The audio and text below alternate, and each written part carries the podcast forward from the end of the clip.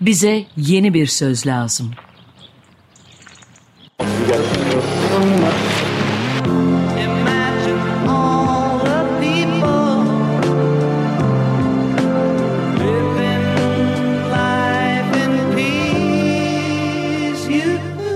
Bekir Ağırdır'la yeni bir yol haritası denemesi.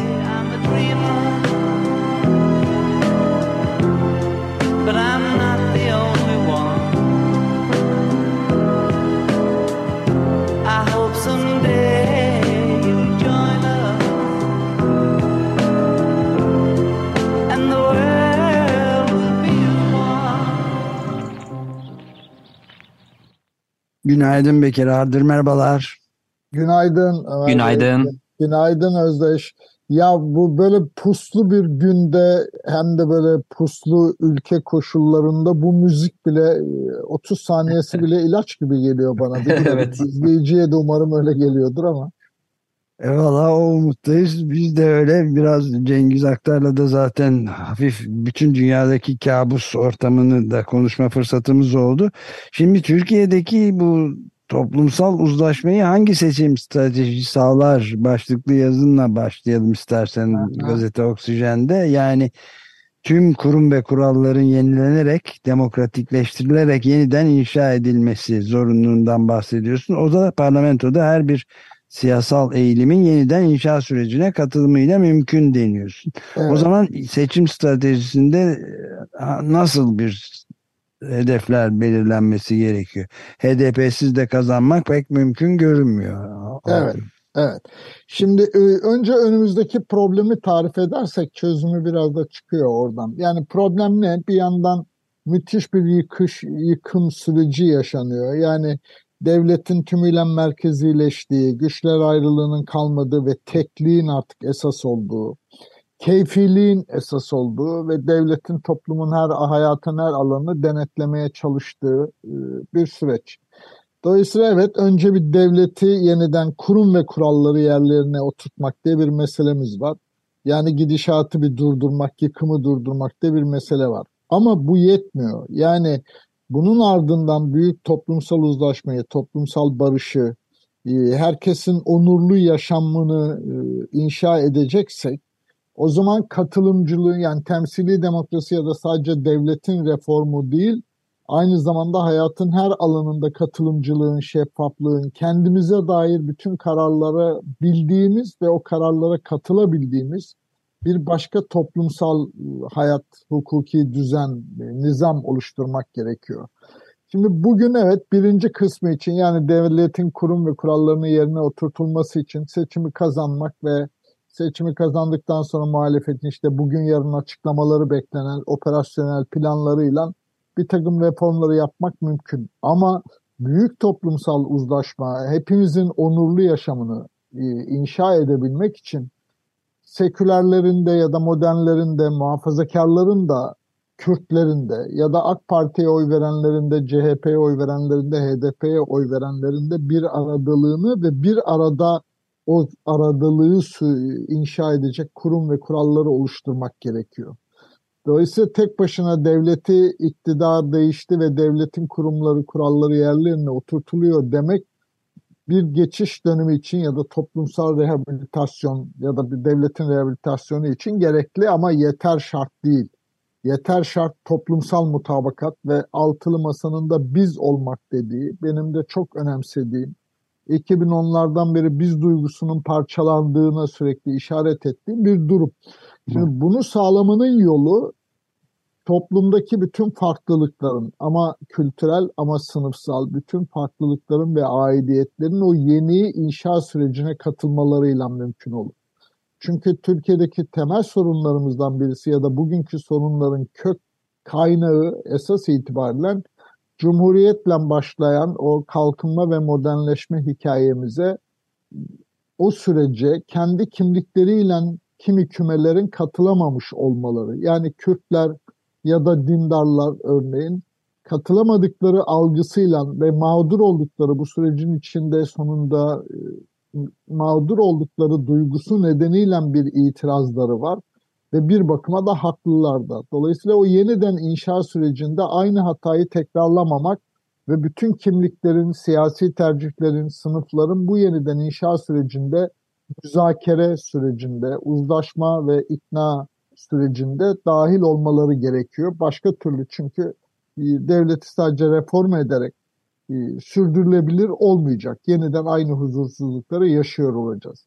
Ben böyle bir tespitten ve böyle bir bakış açısından bakarak tezim şu, evet yıkımı durdurmak için, gidişata müdahale etmek için Cumhurbaşkanlığı seçiminde en geniş mutabakatı sağlamanın gerekli olduğunu e, ve ancak öyle kazanılacağını düşünüyorum. Yani mümkünse sadece altılı masanın liderlerinin değil belki de 15 partinin dahil olduğu bir açıklamayla Cumhurbaşkanı adayı şu demek e, Cumhurbaşkanı adayına işaret etmek ve oy istemek e, doğru. Ama parlamentoda eğer demin söylediğim gibi parlamentoda o yeniyi konuşacaksak, yeniyi inşa sürecini konuşacaksak toplumdaki hiçbir kimliği ya da siyasi tercihi ya da hayat tarzını dışarıda bırakmayacağımız bir parlamento oluşması lazım.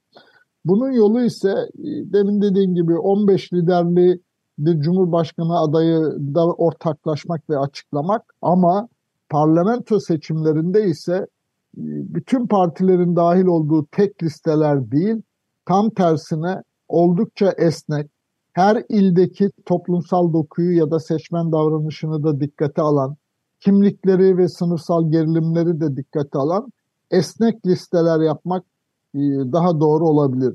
Ancak o zaman çünkü en geniş temsiliyeti sağlayabiliriz. Yani muhafazakarların da, Kürtlerin de, sekülerlerin de ya da farklı kimlikler üzerinden her siyasi tercihin de parlamentoda temsil edilmesini sağlar isek ve anayasa yapma sürecini en geniş temsiliyetle yapabilir isek Türkiye için bir fırsat yakalayabileceğimizi düşünüyorum ben. Bunun için her bir ilde için stratejik çalışma yapmak lazım. Çünkü hala şunu da biliyoruz bir yandan bizim araştırmalarımızdan da.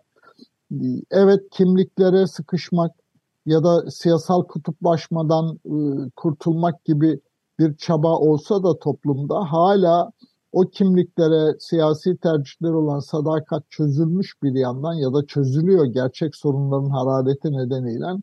Ama duygusal ambargolar, duygusal kutuplaşmalar, karşı tarafa olan olumsuz duygular, kimi zaman nefret duyguları hala güçlü. Yani insanlar diyelim kendini muhafazakar ya da AK Partili tanımlıyor ve o tanımından artık rahatsız gidişatı görüyor ama bu tarafta diyelim HDP var ya da CHP var diye kayamıyor bu tarafa. Siyasi tercihi değişemiyor. Ya da tersi durumlar da var.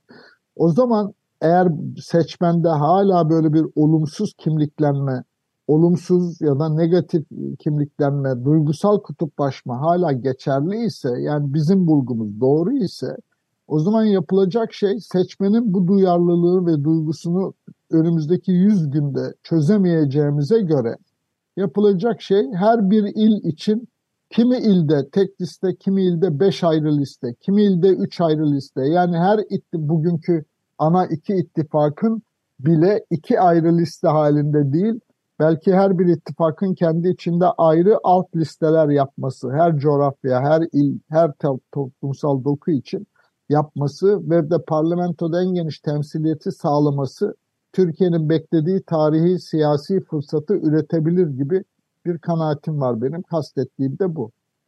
Evet yani bu, e, bu içinde bulunduğumuz e, sıkışmışlıkla ilgili olarak da yazdığın yazıda da belirtiyorsun e, Cuma günü çıkan gazete Oksijen'de haftalık gazetede.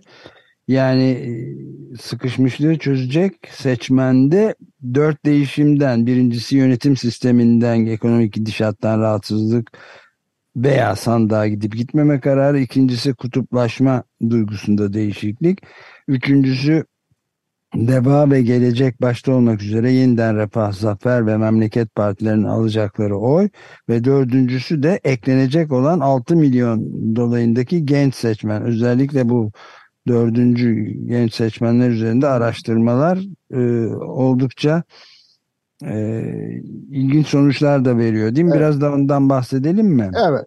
E, yani genç seçmen e, iki e, alt kümesi var ya da gençler dediğimiz zaman. Birisi 30 yaş, 18-30 yaş arasındaki genel genç seçmen. kabaca 20 milyona aşkın ya da o civarda olacak. Bu 20 milyon seçmenin içindeki bir 6 milyona aşkın kısmı ise ilk kez bir genel seçimde oy kullanacak. Şimdi araştırmalardan şunu biliyoruz. Genç seçmenler bir yandan ülkenin gidişatından çok rahatsız, umutsuz, hayalleri kalmamış durumda, idolleri kalmamış durumda, kızgınlar. Gelecek algıları giderek kısalıyor. Artık üçte birinden fazlası neredeyse yüzde 40-45'i gelecek deyince en fazla 3 yılı hayal edebiliyor. Fırsat eşitliğinin kalmamasından çok rahatsız vesaire ve bütün bunlar için çıkış yolu olarak da var olan aktörleri, partileri, siyasi zemini yeterince güçlü görmüyor ya da o siyasi zemine ve aktörlere güvenmiyor. Dolayısıyla o güvensizlik nedeniyle de sandığa gidip gitmemeleri belirleyici olacak. Ama sandığa gittikleri zaman gidişatı olan itirazları çok güçlü olduğu için, kızgın oldukları için, öfkeli oldukları için de muhalefetin adayının kim olduğundan bağımsız olarak çok muhtemel ki çok büyük kısmı muhalefetin adayına oy verecek. Ama o umutsuzluğu ve kızgınlığı aşmak için önce genç seçmenlerin bu seçimde gidişata müdahale edebilme imkanı olduğunu hissetmeleri gerekiyor. Eğer hiçbir şey değişmeyecek, iki tarafında hangisinin iktidar olduğunda bir şey değişmeyecek ya da siyaseten Türkiye bu sorunları çözemeyecek gibi bir duygu hakim düşünürlerse büyük bir kısmı sandığa gitmeyebilirler. O nedenle e, genç seçmenlerin bu seçimdeki pozisyonu parti tercihinden daha çok seçime gidip gitmeme kararları olacak. Çünkü seçime gittikleri zaman, sandığa gittikleri zaman gidişata itirazlarının çok güçlü olduğunu ve muhalefete daha yakın bir oy tercihinde bulunacaklarını söylemek mümkün. O kızgınlık duyguları çok baskın çünkü. Evet yani o dört seçimdeki sayısal tabloyu etkileyecek bir kızgınlık e, evet. iktidara itirazları Çünkü nedeniyle. bir şey daha var. Genç seçmenlerin itirazları hele yeni olan 6 milyon aşkın genç seçmenin itirazı bir de hani bizim dönemlerimizdeki gibi ideolojik ya da siyasal bilgilerinden beslenmiyor. Daha çok e, nasıl ataerkilliğe, nasıl işte bu ekonomik sıkışmışlığa, itirazları varsa nasıl ailenin bile hayatlarını denetleme çabasına e, itirazları varsa gündelik hayatlarından ve gerçek bir meseleden kendi hayatlarından itirazları var gidişata.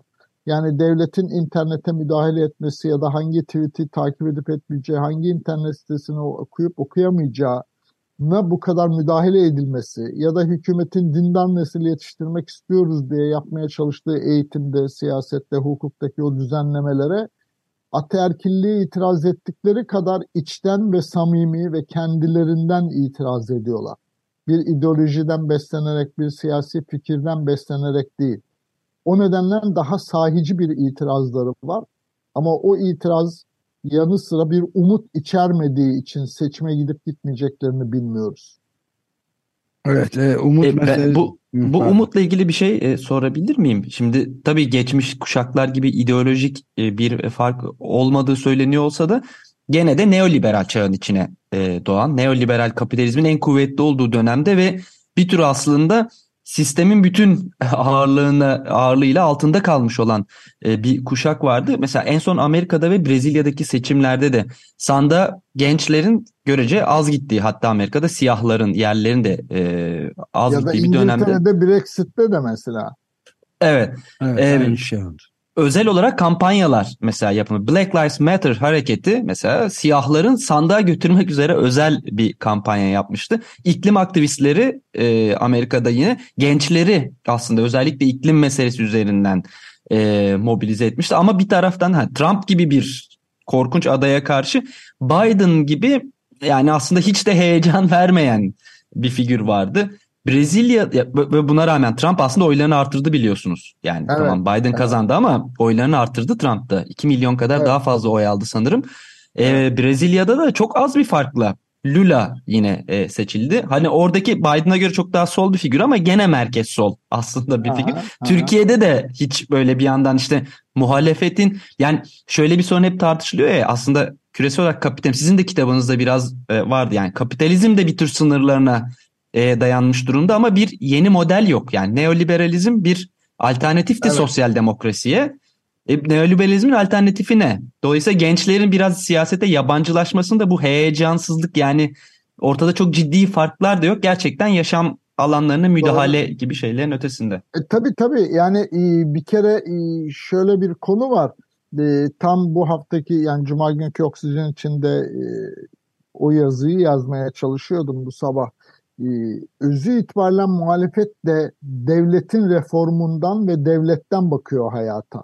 Evet. E, dolayısıyla iktidarla muhalefetin devlete bakışları açısında elbette farklılıklar var. Birisi tekliği savunuyor, birisi güçler ayrılığını savunuyor ama esas itibariyle devletten bakıyorlar. Ve gençler de dolayısıyla hayatın bu kadar devlet tarafından denetlenebilir olmasına itirazları var. Aterkilliğe aynı içtenlikten itiraz ettikleri gibi. Ee, bütün dünyada karşımızdaki sorun bütün bu değişim hikayesinde yani çağ değişimi diyorum ben, teknolojik sıçrama, iklim değişikliği vesaire bütün bu hikaye bir başka umudu ya bir başka iddiayı, bir başka gelecek e, hikayesine, anlatısına ihtiyaç var. Gençleri de asıl heyecanlandıracak olan o. Çünkü aynı zamanda gençler bu teknolojik sıçramaya, iklim değişikliği gibi bir meselenin içine doğdukları için sadece geleneksel sağ sol üzerinden bakmıyorlar meseleye. Ya da kimliklere içine sıkışma meselesi önceki kuşaklar kadar güçlü değil. Yani bunu sıkça tekrarlıyorum. Örneğin Türk genciyle Türk genci diye ayırarak baktığınızda öyle Kürt meselesine değen bir konu konuşmuyor isek hayata dair beklentileri, umutları, korkuları hemen hemen aynı. Yani kimliklere sıkışmışlık ve sadece kimliklerinden düşünme duygusu önceki kuşaklar kadar güçlü değil. Var elbette ama o kadar güçlü değil. Onlar örneğin iklim değişikliği meselesini en az laiklik kadar çok önemsiyorlar. Önceki kuşaklardan farklı olarak. Dolayısıyla yeni bir siyaset talepleri var ve kendi hayatlarını, kendilerinin tanzim etmesini, kendilerini gerçekleştirme imkanlarının olup olmadığına bakıyorlar. Ee, o nedenden geleneksel siyaset gençlere tutku ve heyecan vermiyor. Gençler o geleneksel partiler hatta geleneksel sivil toplum hani kocaman tabelalar olan ideolojik tercihleri belli, hiyerarşik yapıları belli o dernekler, vakıflar da aynı heyecanı ve tutkuyu vermiyor onlara. Ee, onun için değişen hayat ritmi içinden bakıyorlar ve değişen hayat ritmine karşılık siyaset dünyada da Türkiye'de de henüz o değişimi başarmış ve kendi hikayesini üretmiş değil. Dolayısıyla tam senin işaret ettiğin gibi Özdeş, işte Amerika'da bile Trump'ın çaresi Biden'mış gibi görünüyor. Evet. Ama sonuçta 74 milyon Amerikalı Trump oy veriyor, 82 milyon Biden Amerikalı da Biden oy veriyor. Yani ayrışma ve o umut yeni ütopya, yeni hikaye inşa edilemiyor dünyada.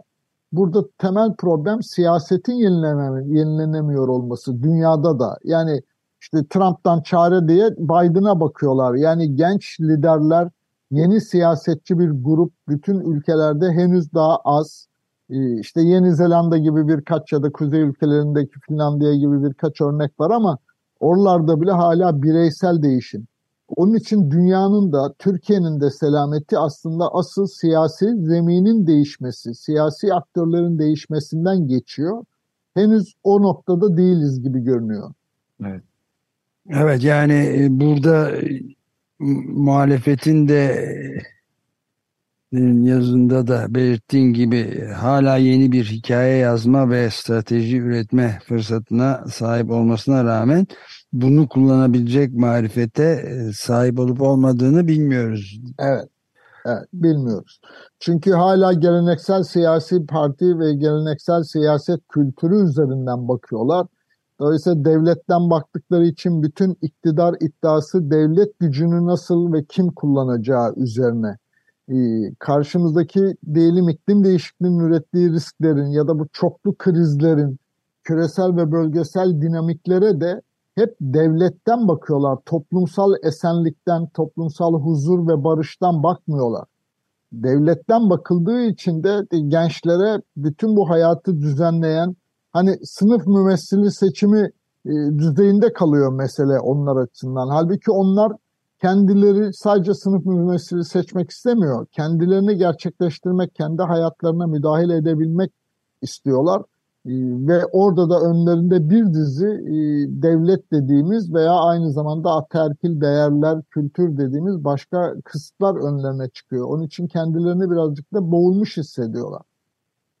Evet bu konuda e, Selahattin Demirtaş'ın hapishaneden yürüttüğü e, şey ilginç görünüyor. Yani Evet. bayağı bir seçim kampanyası yürütüyor Doğru. gibi.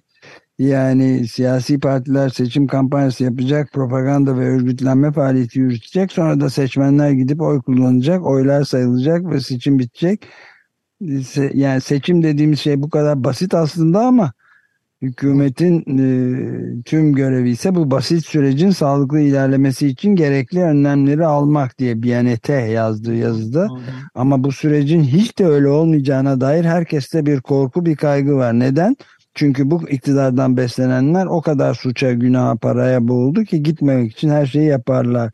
Ama buna karşılık da işte e, kuzu kuzu oturup beklememek, başımıza sosyal medyayı da miting meydanlarını da doldurmak ve her mitingi meydanlardan izlemek mümkünse şartları zorlayıp sandık kurullarında oy sayım merkezlerinde görev almak gerekir diyor. Yani gidin. Evet. Yani örgütlenin. önümüzdeki dönemde hani umutla bitirelim. Gerçekten samimiyetle de bu umudu taşıyorum. Laf olsun diye söylemiyorum. O da şu büyük yani gençlere dair bu konuştuğumuz umutsuzluk hali e, çok bilinen e, hemen herkesin de katıldığı bir nokta. Dolayısıyla belki partiler henüz o noktada çok büyük bir gayret göstermiyor olsalar bile e, sivil toplumda müthiş bir gayret hazırlığı var.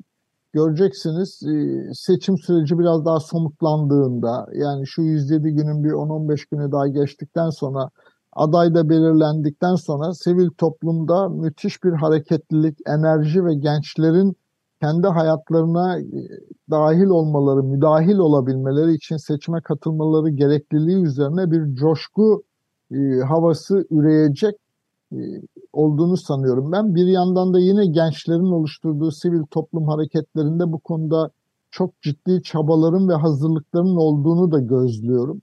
E, o nedenle çok da umutsuz olmayalım. Yani gerçekten ülke e, birazcık evet aday kim olacak meselesine, birazcık bu ekonomik tufanın evin içinde yarattığı, hanenin dirliği, düzenliği üzerinde yarattığı risklere boğulmuş durumdayız belki. Ee, ama hani biraz daha bir 10-15 gün içinde biraz daha siyasetin derlenip toparlanacağını, aday belirlenirken aynı zamanda operasyonel iş planına dair de işte bugün yarın yapılması beklenen açıklamalar biraz daha netleştikten sonra e, o gayretin daha görünür olacağını sanıyorum ben. Yani hani daha önce söyledim mi bilmiyorum. E, bizim siyah beyaz televizyon zamanında bir yeraltı canavarları diye bir korku filmi vardı. Köstebekler Evet. canavarlaşıyor yer altından yürüdükleri için anlaşılmıyor.